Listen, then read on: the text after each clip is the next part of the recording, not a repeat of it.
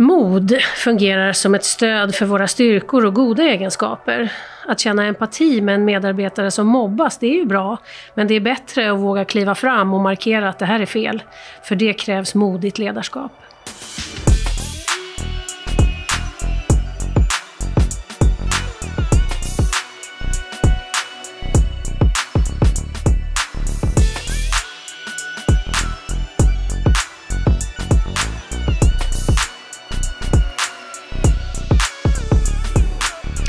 Välkommen till Region Sörmlands HR-podd. Vi ska idag tillsammans med vår gäst Daniel Berton djupdyka i en förändringsresa. Det ska bli så spännande att höra. Mitt namn är Lena Amnes, jag jobbar som organisationskonsult och ledarutvecklare på Riddarfjärden. Och mitt namn är Katrin Nagander och jag jobbar som rekryteringsspecialist men också som HR-poddens redaktör och programledare. Varmt välkommen Daniel. Tack. Det ska bli så spännande för du är en annan del av verksamheten av Region Sörmland. Det- är så mycket prat om sjukvården och, och den delen, men du kommer från en annan del. Ja, jag kommer från folkhögskolevärlden, en, en värld som jag tror vi har, ändå, vi har jobbat mycket för att man ska vara medveten om att vi finns. För, för under en lång period så kändes det lite som, som att ingen visste att man hade folkhögskolor i regionen. Men det har man i alla fall. Och vi har i Region Sörmland två folkhögskolor och jag jobbar med båda dem. Åsa folkhögskola och Eskilstuna folkhögskola. Jag har jobbat ganska länge på Eskilstuna folkhögskola och är ganska ny på Åsa folkhögskola. Så jag misstänker att jag kommer prata mest utifrån Eskilstuna. Eh, Åsa, jag har liksom inte riktigt, jag har gått där ett år nu. Nu börjar jag känna vad det är vi ska jobba med. Så jag har inte gjort så mycket där än. Men du, om jag säger modigt ledarskap, vad, vad tänker du på då? Ja, men dels, eh, jag satt och tänkte på det när jag åkte hit att mod är ju ett... ehm, det är kanske är ett bra ord, men det är ett väldigt tolkningsbart ord. Eh, jag tänker att eh, folk som gör hemska saker kan uppfattas som väldigt modiga eh, och folk som gör väldigt bra saker kan uppfattas som väldigt modiga. Så jag för min egen skull så tolkade jag om det där lite och, och, försöker, och så kom jag fram till att jag är nog mer principfast. Så kom jag på att det är inte heller, så det låter inte heller något vidare bra. Va? Har man dåliga principer och är principfast, då blir det inte heller så bra. Så jag, jag kan hålla mig kvar. Jag står ut med modigt ledarskap och hoppas att jag kan få fram vad, vad som menas med det. Du, vi kommer att vilja ha tre av dina bästa tips som du sen ska liksom ge till våra andra chefer i organisationen. Du, du har förberett dig på dem? Jag har förberett mig. Ja, superbra, vi kommer att återkomma till dem. Ja, jag tänkte börja med att fråga om du själv har någon förebild när det gäller ledarskap. Ja. Känd eller okänd person? Jag, jag tänker att jag, jag leds i de jag leder. Eh, Vilket, vad flummigt svar. Men jag tänker, jag, jag är intresserad av vad eh, de som jag jobbar med vill och hur vi ska nå dit. Och jag tänker att där har jag, där har jag sett, alltså den entusiasmen som, kan, som finns och det engagemang som finns, tänker jag att det ska leda mig för att leda rätt.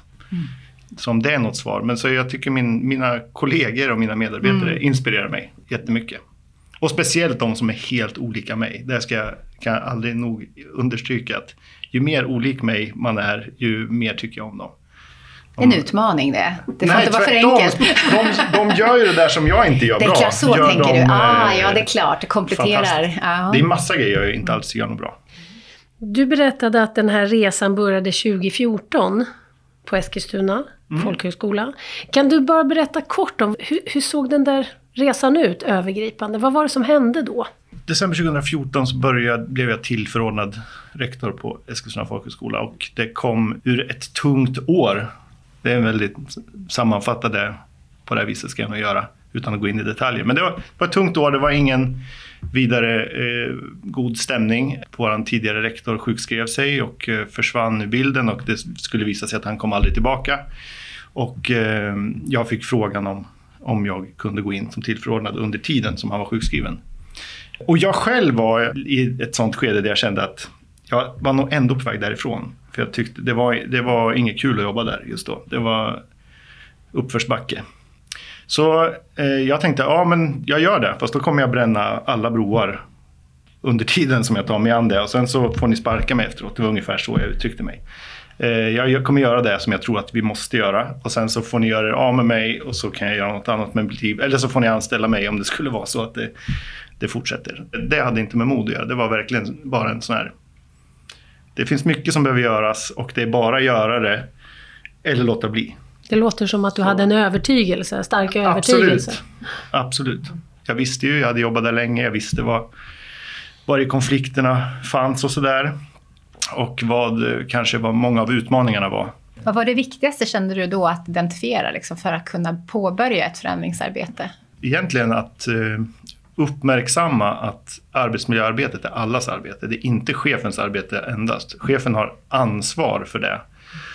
Men att inte ta sitt arbetsmiljöansvar är exakt lika illa som arbetsvägran. Kan vara ett förklätt hot i det. Fast, eh, eller kan, inte ett illa förklätt hot i det. Men någonstans är det så. Kan man in, är man inte beredd att anstränga sig för sina kollegor, då ska man inte jobba Nej. kvar. Vad var det första som du förändrade rent konkret eller praktiskt när du började det arbetet? Oj, det var en svår Som chef. Gå tillbaka det är några år sedan. År. Eh, egentligen hur vi jobbade överhuvudtaget. Det, vi hade en av de viktiga sakerna, vi hade en som jobbade med kvalitetsutveckling. Mm. Som satt i sin egen bubbla och jobbade med kvalitetsutveckling. Och sen så hade chefen jobbat med kvalitetsutveckling fast väldigt... Den här killen som jobbar med det i sin lilla bubbla gjorde det superbra. Och tidigare chefen hade gjort det fast riktigt uselt. Och snacka om eh, alltså, slå straff mot öppet mål. Eh, att eh, en person som är duktig på det, vill jobba med det, så bara, ja men självklart. Det är bara in och, in och, och börja liksom kämpa med det. Så det var, en, det var en av de stora grejerna. Men sen att börja jobba i, få ihop eh, administrationen och jobba som ett lag. Det var inte, handlar inte om mig, det gör det aldrig, det gör det inte nu heller och det ska det aldrig få göra.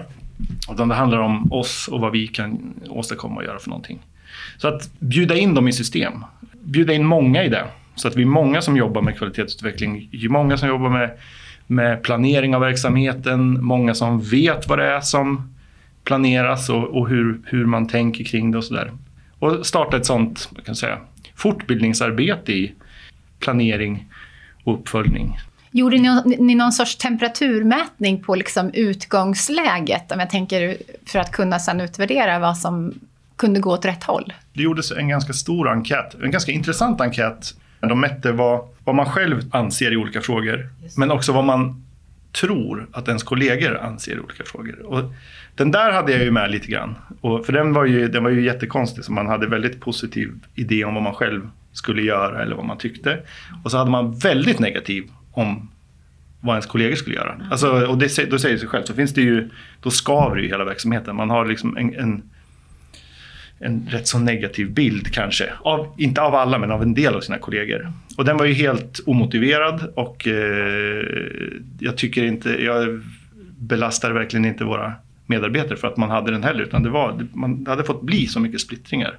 Den hade vi, sen hade vi medarbetarenkäten. Den sa ingenting, för den sa ju bara att allting var... Inte så bra. och era kunder, eller alla elever, hade man mätt någonting, deras upplevelse? Deltagarna hade fortfarande, vi använde deltagarbegreppet. Deltagare säger man, eh, ja. Mm. Men, eh, Kunder, jag höll på att säga patienter också. Deltagare. Ja. Lärarkollegiet gjorde fortfarande ett väldigt bra jobb i sin egen grupp. Mm. Eh, och deltagarna gjorde, lämnade ifrån sig ganska höga omdömen på alla kurser. Så de låg jättehöga under hela den perioden också.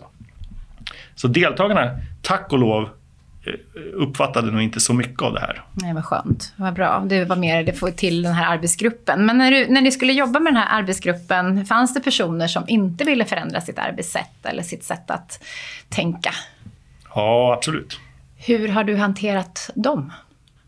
Framförallt genom att bjuda in dem att, att vara med i samtalet om vad det är som ska ske för någonting. Eh, och sen också, för mig var det viktigt, jag tänker att vårt grunduppdrag är ett pedagogiskt uppdrag.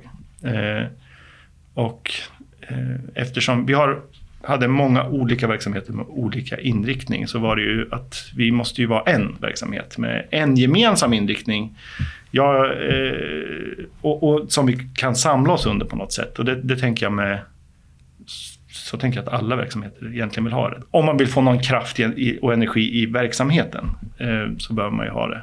Så, så där eh, satte jag igång och gjorde ett arbete med att, att göra en sko skolans pedagogiska idé eller kallar vi det för. Rent konkret, hur, hur gjorde du?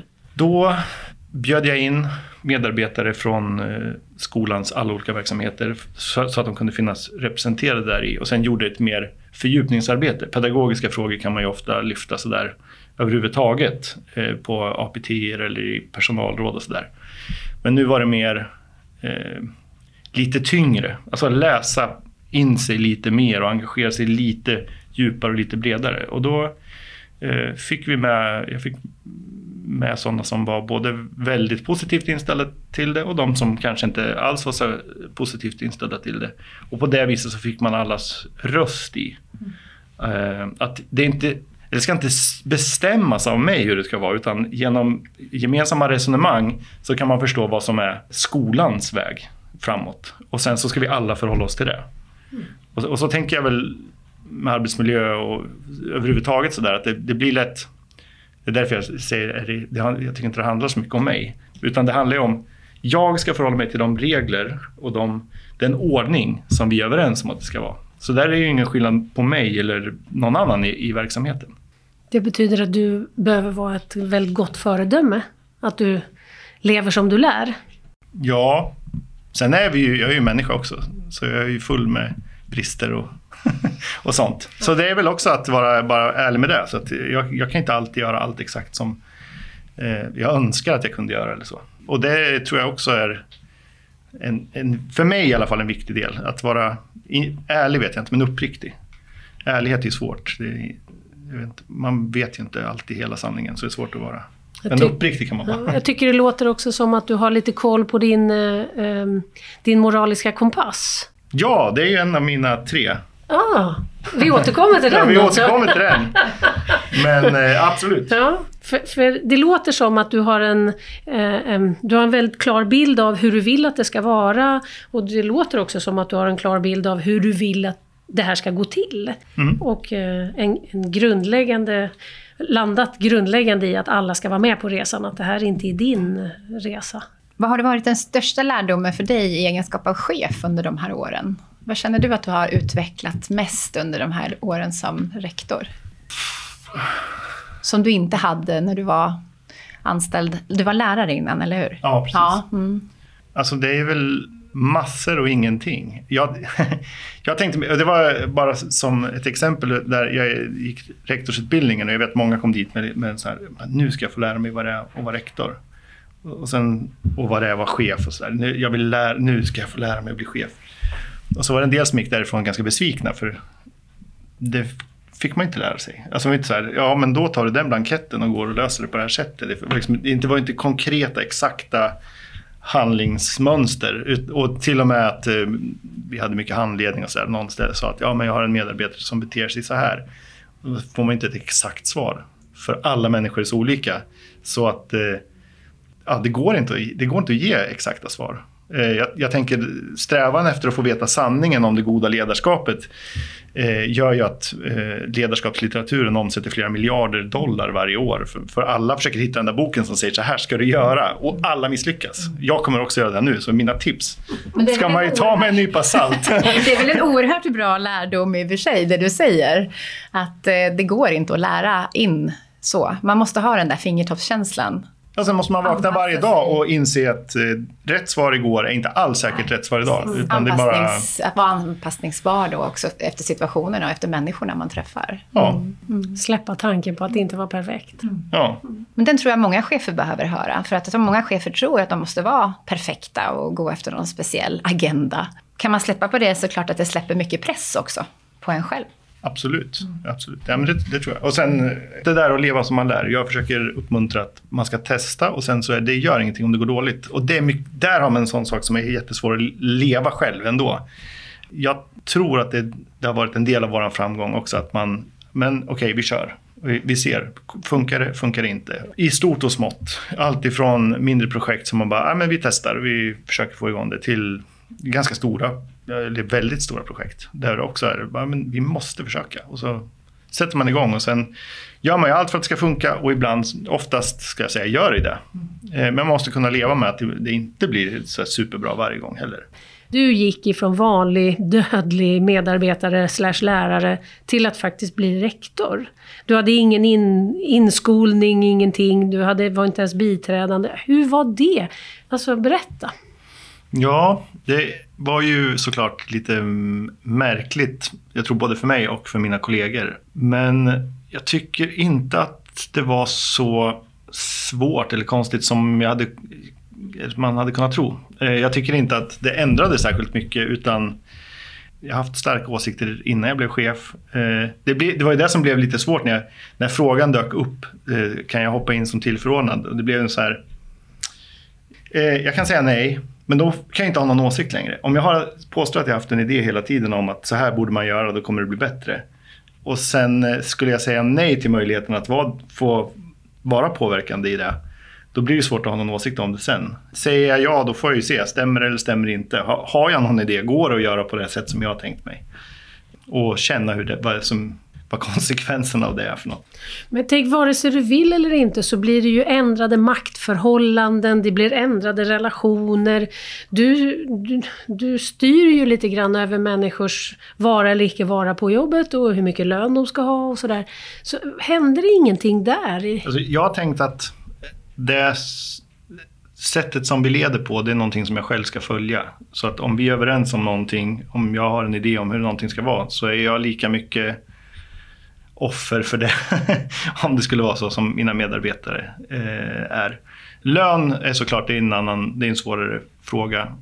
Men nej, jag tycker, inte, jag tycker inte att det var så dramatiskt. Alla är väldigt hyggliga liksom egentligen och vill väl och så. Så det är lätt, då hittar man varandra i det. Och sen så de här då kan man inte låta lön och andra, som jag ändå, eh, jag ska inte säga små saker, men det är ändå, det är inte det viktigaste i livet. Det viktigaste i livet är att ha ett bra liv. Och sen vill man gärna ha pengar för att kunna ha, ha det. Men, det. men det blir ändå inte det, blir inte det centrala. Liksom. Eh, så jag tycker att det har funkat. Det låter som att du kan rekommendera andra som är nyfikna på det där med ledarskap att faktiskt våga hoppa på det. Jag tycker att man absolut ska våga hoppa på det och man ska vara beredd att hoppa av det. Det är mycket svårare tror jag. Mm. För förutsättningarna för en själv förändras ju med att man tackar ja. Eh, man får ett större ansvar, man upplevs som den tunga biten, man kanske får bättre lön. Eh, det ser man ju som väldigt positivt eh, såklart. Men man ska inte vara rädd för att inse att det, inte passar en heller. Så att testa. Man måste våga prova. Och sen så kanske det inte passar en och då, då ska man inte vara rädd för att backa. Har du själv eh, några mentorer eller stöd eller bollplank som du kan bolla med när du själv känner att du jobbar med någonting där du behöver lite extra? Du var inne på det här att du bollar självklart med dina medarbetare och mm. dina kollegor så, men har du någon annan mentor eller? Nej, det är framförallt mina kollegor. Det är kollegorna. Mm. Vi hade under en period så hade vi eh, gemensamt, alla, vi, vi är fyra folkhögskolor i Sörmland. Så vi styrde upp att vi hade handledning tillsammans. Mm. Det, var, det var bra. Mm. Kanske något att ta upp igen då? Ja, men kanske skulle kunna vara. Och det, det är så här, man, dels märker man ju att man har väldigt liknande frågor och uh, upplevelser och liknande problem och sen så är det lite, lite spännande att höra hur, hur alla tänker att de ska hantera det. Så där. Absolut, absolut.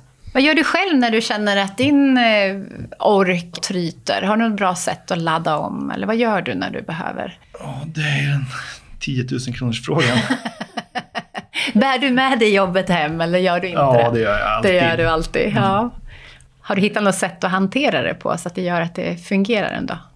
Ja, jo men det tror jag. Jag tror, jag fick, eh, jag fick liksom fysiska men under en period av att, eh, framförallt när det blir sådär ja, men allt är inte kul. Och en del frågor är inte något roliga att ta i. Så jag måste, måste ändå göra det. Det är liksom ingen idé att vänta eller så. Det är bara att köra. Eh, och då fick jag det jäkligt tufft och, och tyckte att det var, ja men fick symptom på att det inte var bra. Och så gick jag ut, gick jag, googlade jag läste så här, om du upplever det så här, bli inte rädd för att göra det igen, det är inte farligt. Ja, Okej, då fortsätter jag göra så. Vad var det du märkte på dig själv då? Nej, men jag fick en, det har aldrig hänt mig förut, så det var en väldig chock för mig. Jag fick en panikångestattack Oj. Under, något, eh, under ett medarbetarsamtal. Jättedålig timing. Och det bara drabbade dig? Ja, bara drabbade mig och så jag bara blev kritvit och så sa jag, jag, bara, "Ja, jag måste gå tyvärr och dricka ett glas vatten. så gick jag ut. Och, och, så, och då kände jag att ah, shit, det här är inte bra. Men jag gjorde det och sen när jag liksom kände det och upplevde det var inte kul. Det är ju jäkligt jobbigt. Jag vet inte om ni har haft det någon gång. Jag behöver inte säga. Och det kan komma precis när som helst, så det är Ja, inget man planerar för. Eh, nej, men så då, då tänkte jag, ja men det är väl, jag har plågat så många deltagare också genom åren med eh, muntliga framträdanden. Och, sånt där. och de, de har ju lidit så in i bomben, så jag tänkte nu är det väl min tur då. Eh, Så jag har kört på. Jag, samma råd som jag gav till dem gav jag till mig själv. Och, och som jag fick bekräftat på internet. Då. att eh, det, gör det en gång så kommer du nästan kräkas av, av, liksom, av ångest. Eh, nästa gång så bara hyperventilerar du lite och sen tredje gången så börjar det bli okej. Det blir bättre. Sen har du bara hjärtklappning. Ja, sen har man bara hjärtklappning. Eh, nej, så jag, har inte, jag kanske inte har gjort det på något bra sätt, men det är så jag har gjort. Men kopplat till det, finns det något tillfälle under den här resan som du har känt att nej, jag, jag ger upp, jag skiter i det här. Det, det kostar för mycket liksom.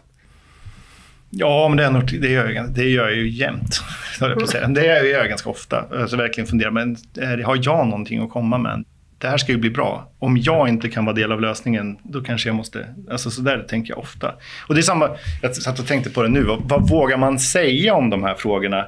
För om jag säger så här, vi har gjort en, jättes, en fantastisk resa, det har varit jättespännande och det har blivit så himla bra. Det kanske om två år så kanske det är uppförsbacke igen. Ja, men är inte det helt naturligt? Jag tänker, eh, för jag kommer nämligen att ställa en fråga till kopplat till det du är just inne på nu. För jag menar, svackor hamnar man ju i. Det handlar väl om, jag vet att Winston Churchill sa någon gång att framgång mäts i hur många gånger du reser dig. Alltså ner i diket, res dig och så upp igen. Och det är där framgången mäts, eh, inte på något annat sätt. Så, så, så vi landar ju i diket. Ja absolut. Men hur gör du för att hålla fokus på det som är viktigt och för att inte liksom ramla tillbaka till det där som inte var bra då, 2014? förutsättningarna på, folk, på en folkhögskola för god arbetsmiljö kan inte vara bättre. Man är väldigt fri i sitt arbete, alla är det, alla har stora friheter, man, har, man är fri att ta eh, nya grepp, man är fri att utveckla sitt arbete väldigt mycket och så vidare. Och man har vi har skapligt med resurser, vi, vi lider inte på det här viset eller så.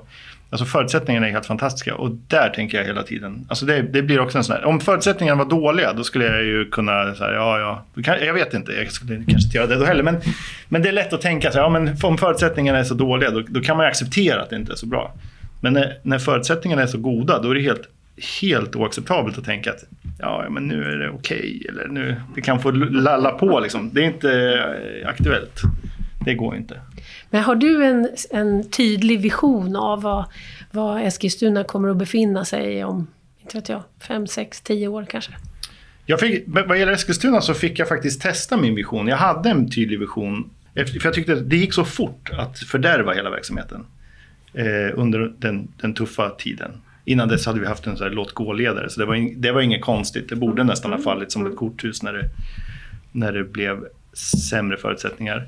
Så min vision var, och den, som sagt jag får testa den i ett år nu. Men min vision var att efter, om fem år så ska jag kunna gå ut härifrån och vara borta och det ska gå precis lika bra. Ingen ska behöva bli arg på någon annan eller, eller så. Man ska, verksamheten ska kunna funka.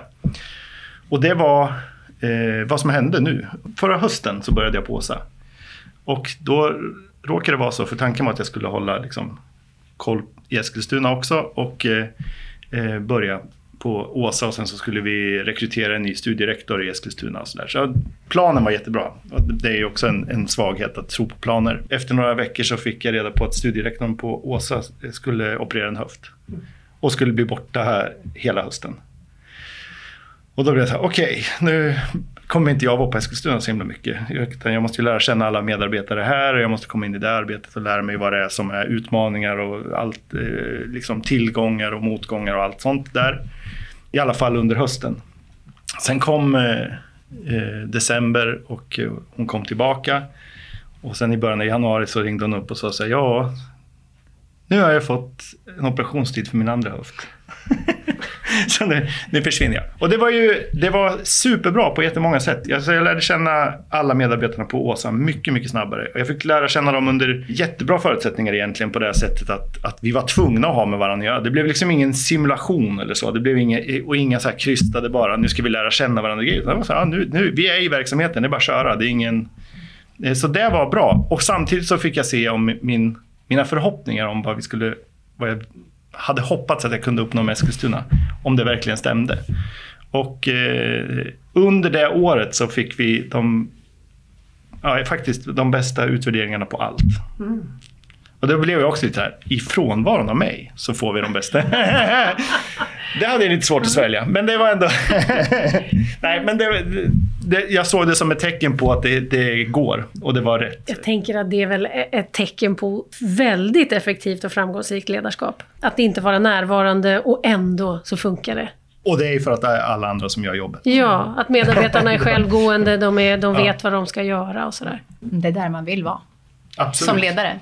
Mm. Nu är ju både du och jag och de som lyssnar supernyfikna på Daniels tre heta tips. Så vilka är de? Mina tips är ju in, inte jättekonkreta. En av dem är just där, att känna sin egen moralkompass. Jag tycker det är det viktigaste. Och hur den än är konfigurerad eh, så kommer jag till mitt tips nummer två. Eh, se till att alla vet det. Mm. Så att det inte blir eh, någon överraskning. För det, det, man, jag tänker det man kan vara helt konsekvent i, det är ju vad man är. Har man den här idén om vad som är rätt och fel och man kan förmedla det på ett tydligt sätt så är det bra att göra det.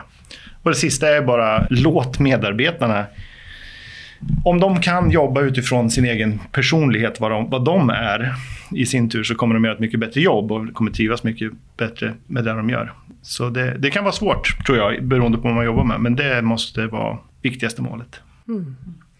Stort, stort tack. Vilka värdefulla tips.